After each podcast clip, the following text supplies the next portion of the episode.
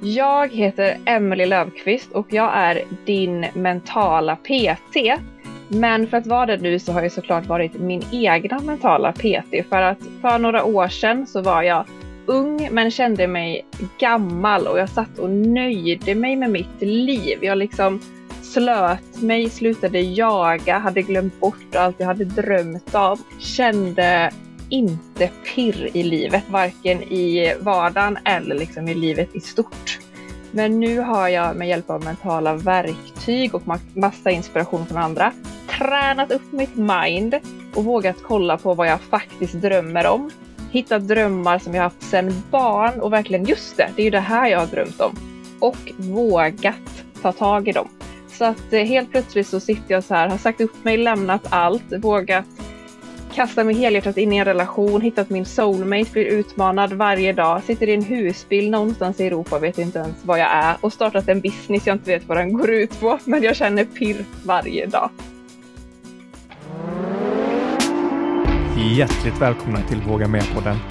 Podden för dig som älskar att aktivera det inre modet och utvecklas både fysiskt och mentalt. Med mig, Mikael Wigerud. Och med mig, Benjamin von Schmuck. Våga Mera-podden älskar ju att ta ut speciella känslor och vibrationer ut i Sverige.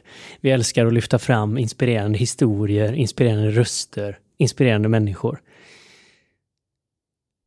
Med syftet att inspirera oss som lyssnar, oss som är en del av podden och som försöker flytta fram livets alla positioner.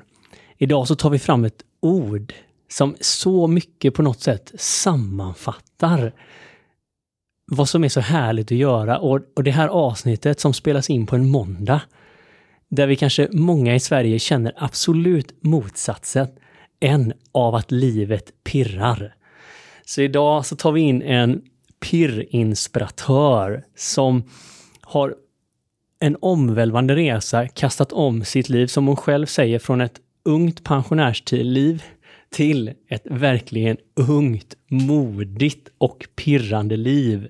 Så med Instagramkontot mer pirr i livet, där hon inspirerar människor till just detta, så välkomnar vi med en varm applåd Emily Lövqvist till Våga Mera! Wow! Jag blir helt pirrig när du pratar. Ja, det blev vi med. och jag måste ju fråga redan från början då, vad är det för pirr vi snackar ja, ja, om det är många som undrar detta nu. Jag förstår. Vad tänker ni spontant när ni hör ordet pirr? Tänker ni på något snuskigt eller något annat? It might be a trap. Vi fick ju lite samtal in här i studion precis innan och då var det folk som jaha, ska det bli en snuskpodd nu? Vad intressant. Mm. exakt. Det får vi se. Ja, ja, men det är väl saker man kan våga där också. Ja. Nej, men Så, vad känner ni när ni hör ordet pirr? Jag tänker på förälskelse faktiskt. Oh. Ja. Hur pirrar det då? då? Ja, det pirrar magen. Det är, som, magen. Det är som fjärilar då ja. Ja. Ja. Och du då?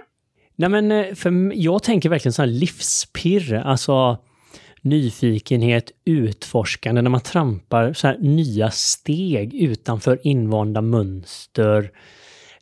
Man är på ny mark, det darrar lite grann, men det här pirret som också är så jäkla levande. Ja, ja vad fint. Alltså nu vet jag att ni faktiskt ramade in två av dem som jag i alla fall då har liksom tre delar av vad pirr är när jag pratar om det. Och då är faktiskt det första är det här lite vad vi ska kalla det då, förälskelsepirret. Det som man först tänker på ofta. Vi har ofta pratat typ om man går längs altaret när man ska gifta sig. Det är ju liksom ett pirr i en, en speciell stund kan vi kalla det. Och det andra är kanske lite mer det som du sa nu då, ett livspirr, lite det här vardagspirr. Hur sätter man guldkant på vardagen? Man känner att det är en liten pirrig stund på promenaden hem från jobbet eller sådär. Och är ni spända på den tredje nu då? Ja, extremt spända. Vilken cliffhanger! Det, exakt, det är mitt favoritpirr. För de här två andra känner man ändå till. Det är kul att ni liksom nämner dem spontant så. Men den här tredje delen, det är att känna ett djupare pirr, det vill säga att jag faktiskt lever mina drömmar. Det behöver inte betyda att jag sitter precis just nu och har en jättepirrig stund, men jag känner så här, jag är på väg i rätt riktning. Jag har tagit beslut som kommer föra mig i rätt riktning. Eller på väg att göra någonting och så här. Det är också pirr. Är ni vad jag menar? Ja, ja, det är ju kanske Ah. ett av de mer tillfredsställande pirren. Ja, jag kände lite pirr också när Mikael kom med kanelbullar innan också, men det kanske Ja. man inte ska erkänna. Men det är ju det, verkligen. Det var ju väldigt fint att få se dig faktiskt, att det här nybakade kanelbullarna ändå kunde skapa ett lite sånt moment för oss. Ja, vad fint. Ja, Mm. Men vad fint, det här tredje pirret, eh, liksom, det, det låter lite själsligt också, alltså lite andligt nästan, en djupare liksom, vägledning i, i livets riktning. Mm. Alltså det kan ju vara det, men det finns också, jag tänker att, eller ja, det kanske är själsligt, men jag tänker det här meningen med livet. Vad är, vad är det jag vill göra här på jorden? Okej, det låter själsligt nu när jag säger det. I allra högsta grad. Ja, men jag skulle vilja säga också existentiellt. Det, Exakt. absolut. Ja. Nej, men det är väl här många har en, en eh, idag där vi ser, jag skulle kanske säga kris i alla pirr, det får vi komma tillbaka till. Men framförallt den här tredje, där vi kanske i Sverige ser en existentiell kris liksom, Mm. på många. Håller du Mm. med om det? Eh, nej. Den Nej. Men vad- vad Intressant att du ser det. Eh, jag kan förstå vad du menar, men jag kan också tycka att vi har nästan byggt upp som en fasad som att man ska ha det. Fast egentligen har vi inte så mycket kris. Men det är som att man ska gå runt. "Ja, Jag vet inte riktigt vad jag ska göra. Just för att vi inte vågar kanske känna in vad vill jag egentligen. Och då är det mycket tryggare att lägga sig i så här. Jag är lite osäker på vad jag ska göra. Och just nu funkar ju det ganska bra kollektivt då. För det är ju, då är man ju i mitten liksom. Att man så här, Ja, ja, att man tar osäker. s- svenska lagommodellen och så lägger man sig Ja. där då lite offerkofta. Jag vet faktiskt inte och jag har ingen aning, så det är inte mitt fel längre, utan det är för att jag inte Ja. vet. Exakt, man har tar liksom inte riktigt action, är inte riktigt aktiv i sitt liv. Utan man är lite mer passiv då. Det är den här, jag har många vuxna säga så här, "Och jag vet ju inte vad jag ska bli när jag blir stor. Som ett lite så skämt av att man är stor. Men det ligger ju något i det, för att om man inte uttalar någonting så kan man inte heller misslyckas. Så det är ju ganska tryggt och gött va, och, och inte ha sagt något.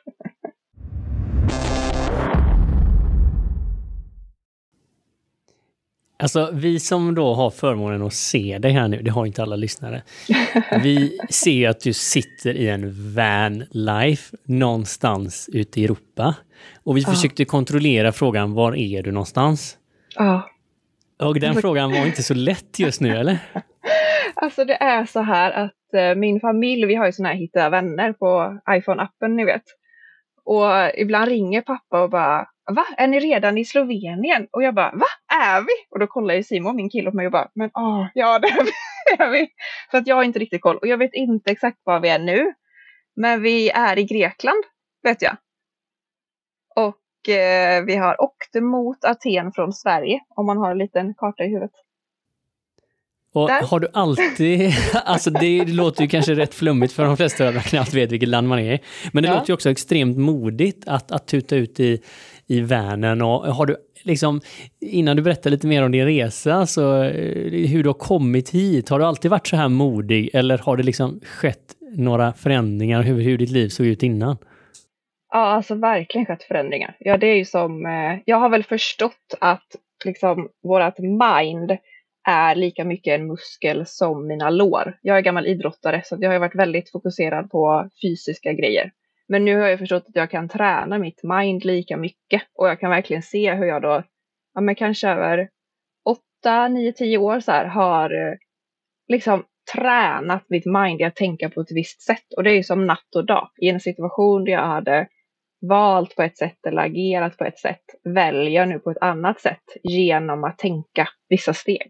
Kan vi få något exempel på hur en tränad hjärna då som en muskel agerar annorlunda i, i en viss situation? Säg en situation som inte är så rolig. Ja, eh, ja, men jag tror att det är precis då som, nu är jag innebandyspelare så jag liksom eh, refererar till det då. Det är som, precis som att göra en skottövning flera, flera gånger och man gör den svårare och svårare och svårare. Så blir man ju bättre och bättre på att skjuta in den här bollen till slut kanske. Och så har jag ju gjort likadant fast med en mental övning. Vi kan ta som eh, om jag ska fatta ett beslut som är utmanande eller som är läskigt eller sådär. då har jag liksom så fått till mig eh, ett verktyg kan vi kalla det, den här 80-20 metoden som ni kanske känner till.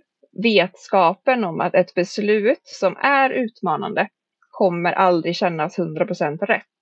Och bara att veta det, då har jag kunnat applicera det på lite halvsvåra beslut och tänkt så här, okej, okay, jag är osäker nu för att det kommer aldrig kännas 100% rätt att välja det här, för då hade det inte varit ett svårt beslut.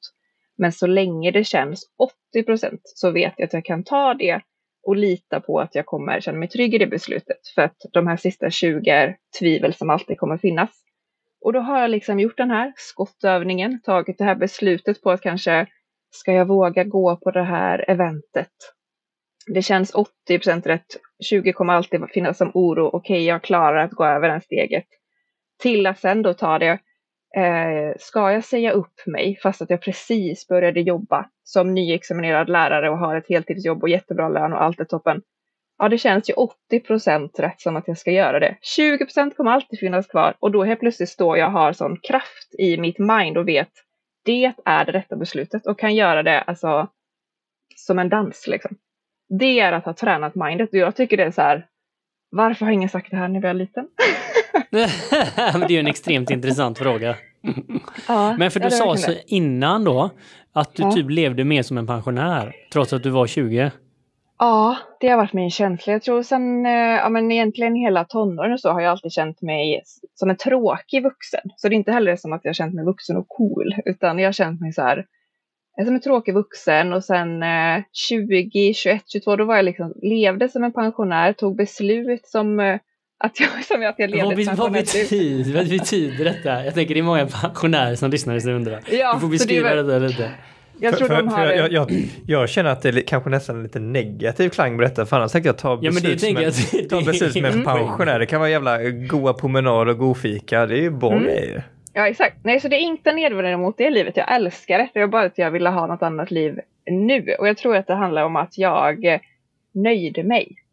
Mm om vi tänker att man lite mer kanske nöjer sig när man har gjort massa saker. Jag hade inte gjort massa saker, men gick in i nöja mig-mode och det ledde till att jag inte vågade testa nya saker.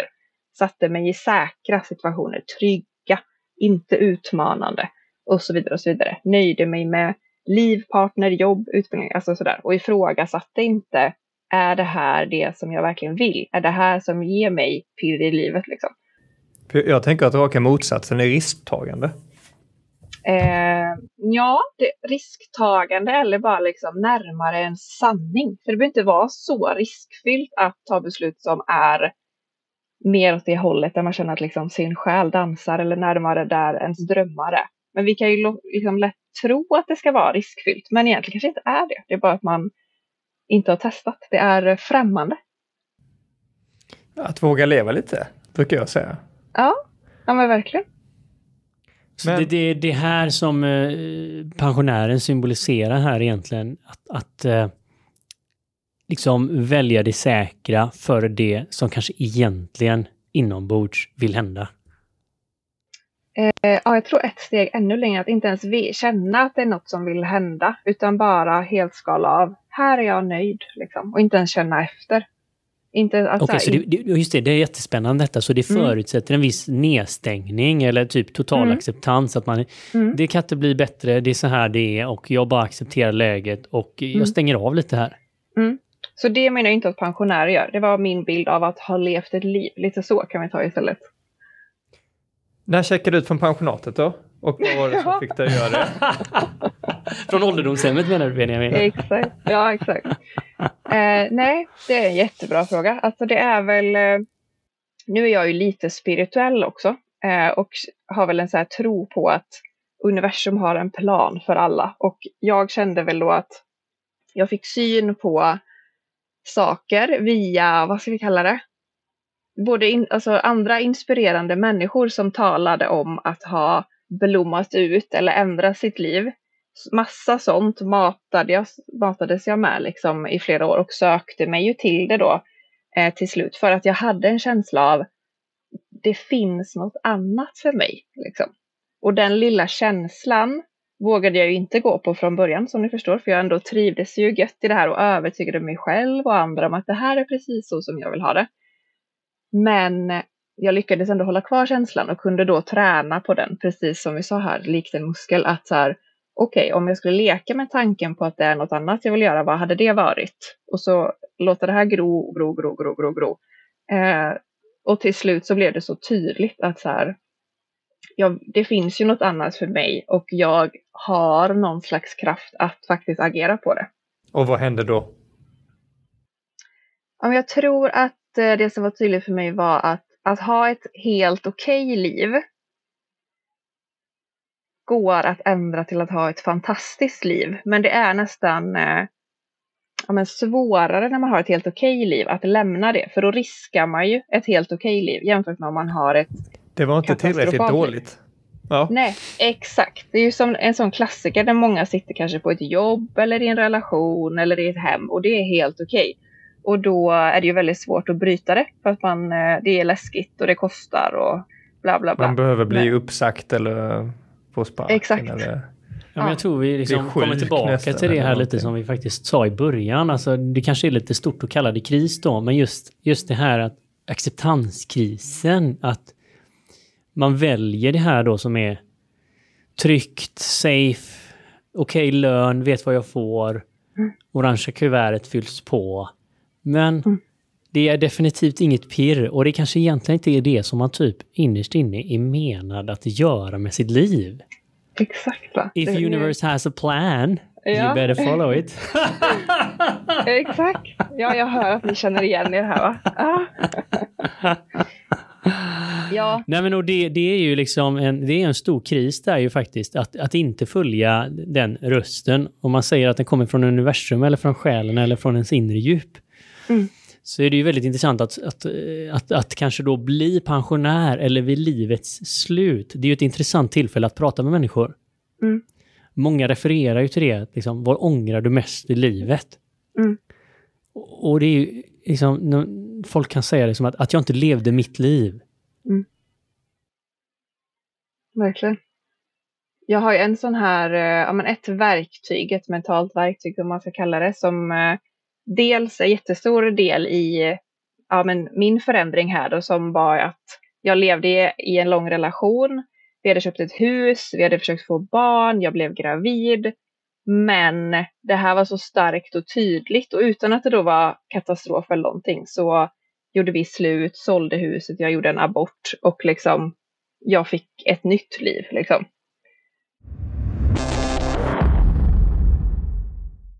En eh, del som var jättestark i det då var en eh, dödsmeditation och den här använder jag ja, men, på typ alla människor som jag coachar nu för att det är så kraftfullt. Ni kanske har gjort någon sån också, känner igen dödsmeditation?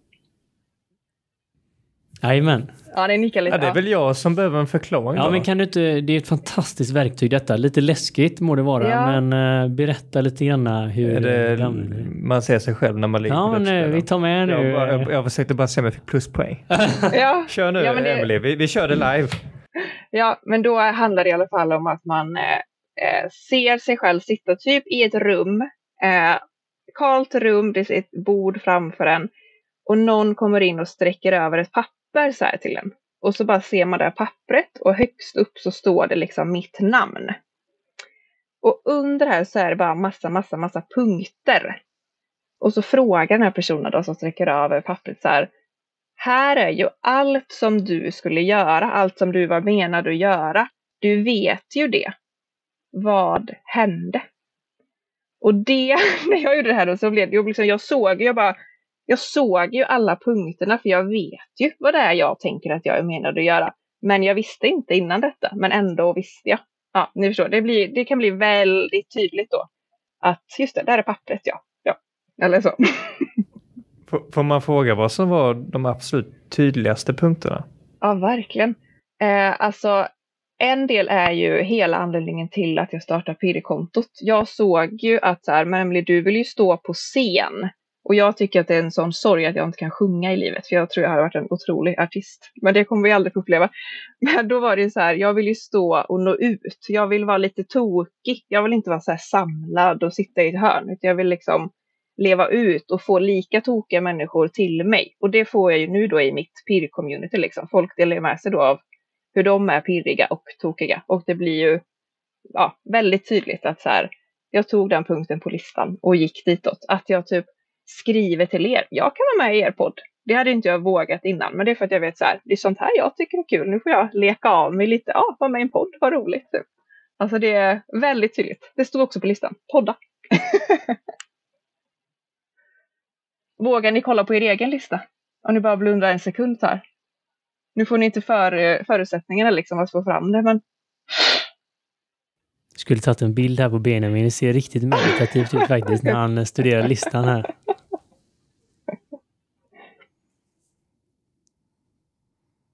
Jag har studerat den. Vill du börja Mikael? Men det är en väldigt aktiv sak. Alltså det kan kännas statiskt typ, men jag gjorde ju för sex år sedan nu så typ satte jag min lista i handen och då visade det sig att mitt liv var ju inte i synk med det som ville hända genom mig. Mm. Så då var jag ju tvungen att göra eh, stora livsförändringar. Och jag känner igen mig i vad du sa, det blir ju också så här, jag sa upp mig, sålde alla mina grejer, lämnade lägenhet och tog en enkelbiljett till Indien. Mm. Som jag inte visste alla pusselbitar typ, men jag hade en stark, stark calling. Det stod liksom åk till Indien överst på den här listan. Mm. Idag vet jag ju mycket mer om vad det betydde. Men liksom bara att jag fick en liten del, att det stod det bara. Typ, du behöver inte veta mer just nu, men åk dit. Det visste jag inte då, typ. Resten kommer att visa sig med vägen. Mm. Uh, men det var ju fantastiskt. Alltså det har ju ändrat mitt liv på alla plan och öppnats för de vildaste pirren och de eh, djupaste äventyren. Men sen är det inte statiskt heller, det är det som är så roligt, typ att liksom, eh, den här listan är ju aktiv så att säga. Så då, hela tiden får man ju se, okej okay, men vad är nästa steg och vad är nästa kliv? Och nu känner jag mycket för mig, det är också så här att eh, fortsätta som vi gör här i podden, att inspirera andra, att nå ut, att skriva, eh, fortsätta och våga liksom inspirera och dela med mig av vad som har hänt på min resa till andra och folk som är i liknande situationer. Om jag hade kunnat få några verktyg där jag var då som hade kunnat hjälpa mig. Det känner jag nu är en viktig del för mig att sätta i handen på de som behöver det. Som också handlar mycket om typ själsligt djup och min koppling till liksom någonting större och var kan jag hitta djup mening i livet och uh, utanför det materiella, vad finns där egentligen? Liksom en, en djupare guidning där som innefattar kanske de aspekterna också som vi varit lite rädda för här. Vi kan kalla andliga, själsliga, spirituella, vad vi än kallar det egentligen, men som att, att vi liksom ett, hänger ihop med någonting större. Att vi faktiskt vågar prata om det. För där ligger också en extremt inneboende kraft ju i en sån här resa. Jag kommer ihåg avsnittet när du berättade för mig att du fick eh, en av punkterna var plocka vanilj. Ja, ja det, var, det var så det började. Och till Zanzibar och plocka vanilj var det första Oj, som kom i munnen på mig. Och i, iväg kom du men ingen vanilj blev det? Nej, jag, jag har inte kommit till Zanzibar än heller. Det är det, det är det, som är högst märkligt. Men liksom drömmen om Zanzibar lever vidare. Ja, du får se till att liksom checka av den boxen nu så att ingenting händer innan Mikael. Ja, vad spännande att det var så specifikt. Undrar om det är något ja, det var jättekonstigt. Ja.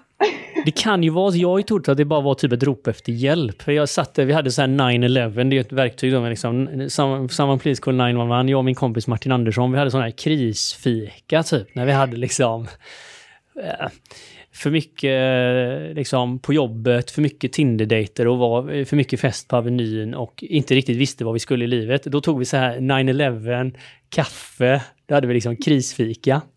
Då gick vi igenom detta. Martin gick igenom sina Tinder-dejter och vi gjorde liksom plan för livet. Och ett av de här fikarna, det handlade ju mest om sådana saker, liksom världsliga fenomen.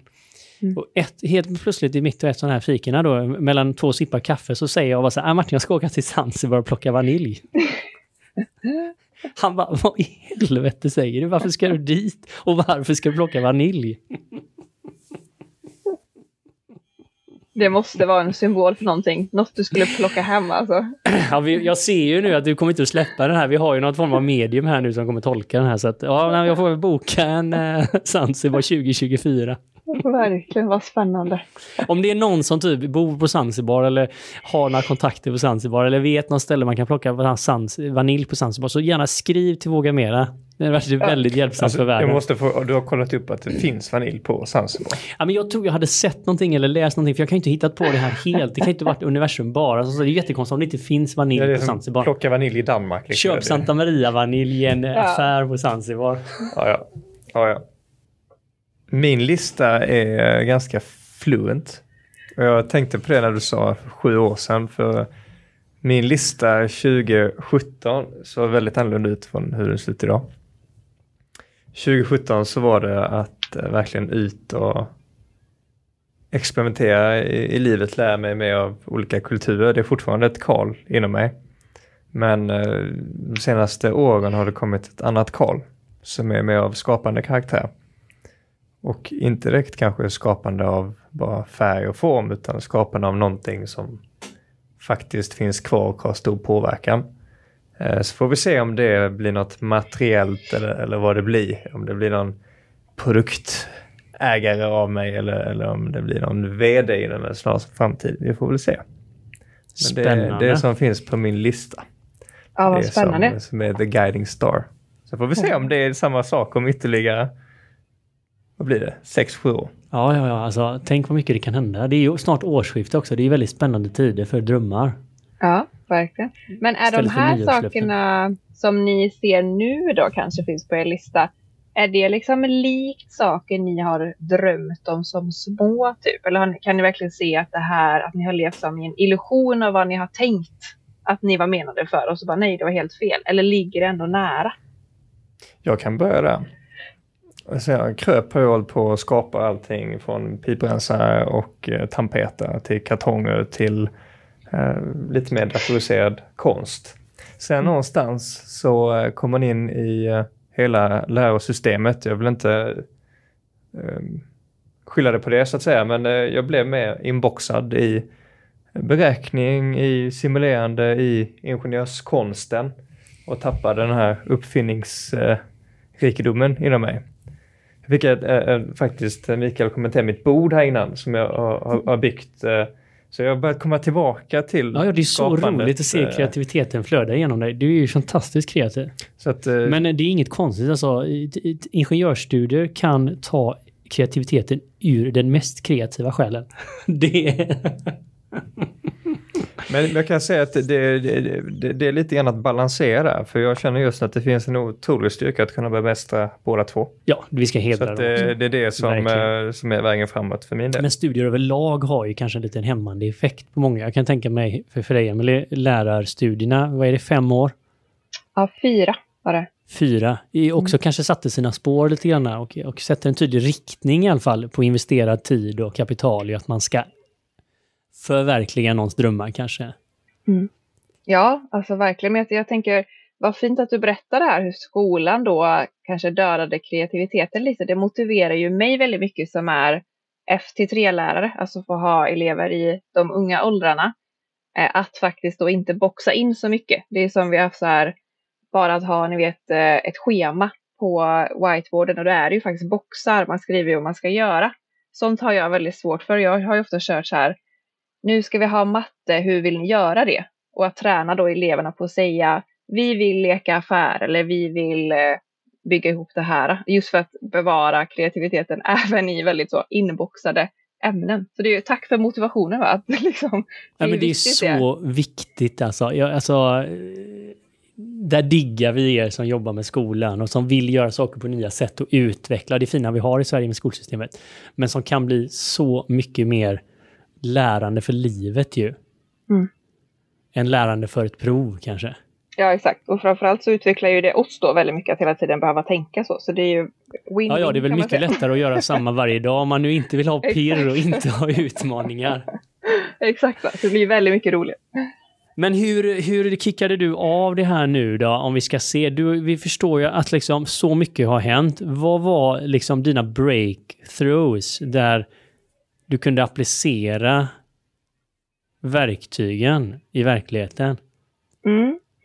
Eh, ja, men dels var det ju som jag sa då när hela den här situationen, lämnar relation eh, ett hus och en påbörjad graviditet. Det är ju ändå så här utifrån väldigt stora saker. Alltså det var ju för människor runt om så var det ju, vilket jag verkligen förstår, men väldigt mycket mer eh, dramatiskt än vad det var för mig. För ja, ja, för, för det här mig... ser ut som eh, de största grejerna i livet som du precis hade initierat. Exakt. Exakt, men jag hade ju tränat mitt mind så mycket på att se vad jag skulle egentligen. Så för mig var det bara som att så här, så nu ska jag gå och göra detta som jag ska göra. Så nu var det ju öppen bana liksom. Nu var jag egentligen ute eller så. Och då var det ju som sagt inte att något var dåligt egentligen. Eller så där att det liksom lämna något dåligt, utan jag bara visste att jag gick mot något bättre kan man säga. Så den eh, situationen, det var väl snarare den sommaren. Det var ju såklart verkligen en sån eh, vändpunkt. Det kan jag ju se nu. Och det ledde också till att jag för första gången i mitt liv bodde ensam. Flytt, liksom, köpte en lägenhet, flyttade in, hade mitt egna hem och sånt där.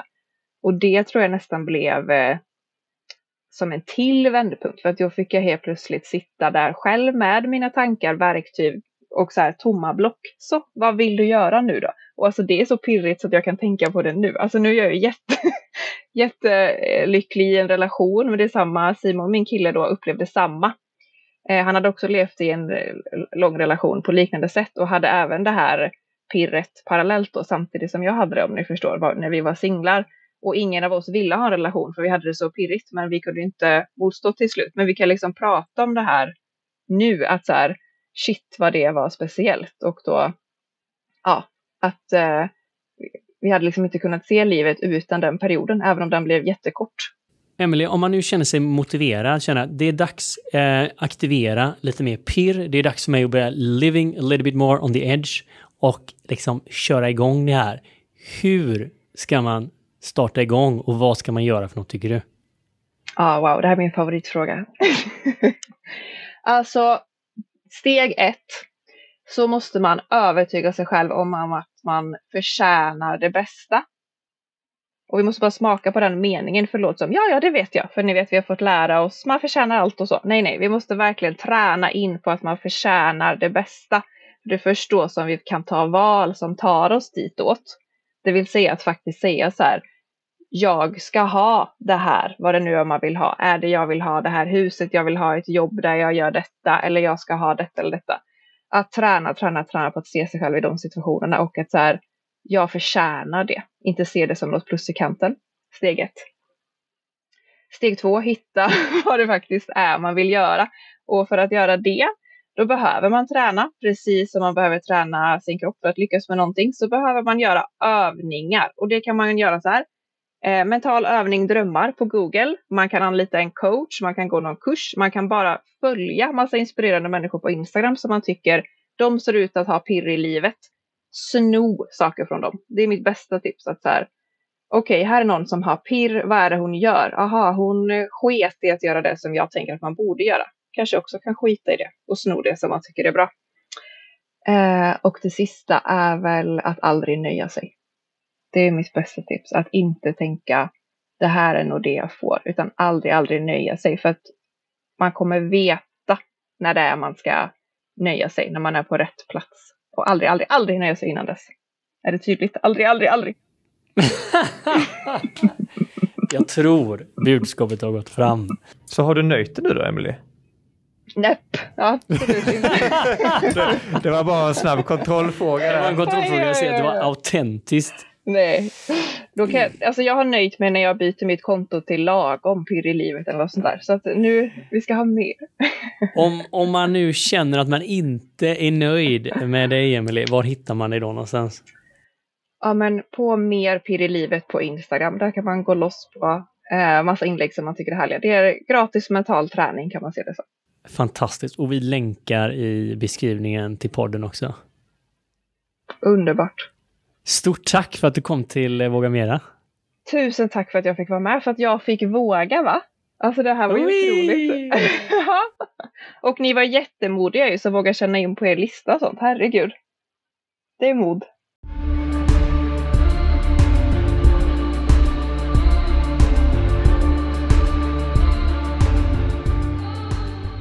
Du har precis lyssnat på Våga Mer-podden mig Benjamin. Och med mig Mikael. Vill du höra mer av oss så måste ni ju såklart prenumerera på podden. Och det gör ni genom att ni klickar i den här klockikonen där poddar finns. Det brukar vara som en, en liten, liten, liten ikon. Så se till att ni hittar den så är ni med nästa avsnitt och nästa igen och nästa igen och nästa igen och ni är alltid uppdaterade. Och är det en sak som vi verkligen tycker om i Våga Mera-podden så är det ju att vi tillsammans engagerar oss. Så in på våra sociala kanaler, kommentera, dela och inspirera varandra. Ha en magisk vecka till nästa gång så syns vi snart igen.